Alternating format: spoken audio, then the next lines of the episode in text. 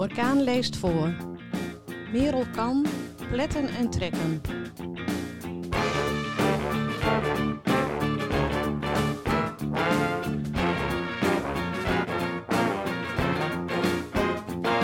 Het gonst door Ozaan. Vorige week kwam mijn man terug van zijn ochtendwandeling in het Twiske. Daar had hij van de roedel gehoord dat de borstenbus in het dorp is. Moet jij ook niet naar de tietepletter? De roedel, ja, dat is een groep 50-plus dames die samen de hond uitlaat. Soms loopt mijn man een stukje met ze op en komt hij thuis met een vraag over de tietepletter. Ja, vertelde ik hem. Ik heb net een afspraak gemaakt. En gisteren was het zover, plettertijd. Toen ik mijn fiets op slot zette op het plein achter het gemeentehuis, werd ik aangesproken door een wat oudere vrouw, ouder dan ik nog. Ze was op weg naar de begraafplaats achter de bus. Moet je in dat apparaat? Haar gezicht toonde een mengeling van afgrijzen en medelijden.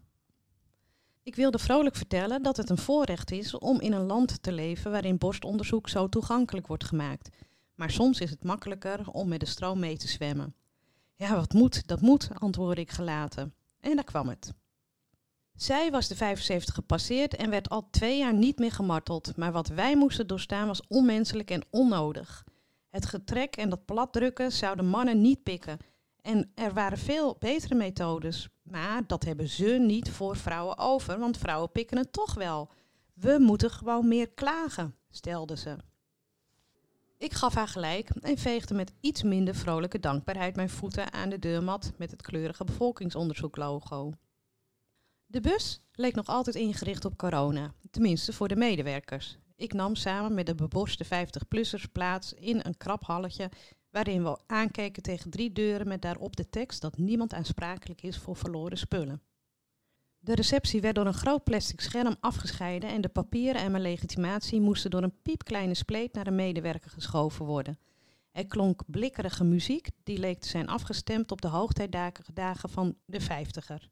Tears for Fears met Shout, Shout, Let It All Out. De naam van een dame naast me bleek niet te kloppen.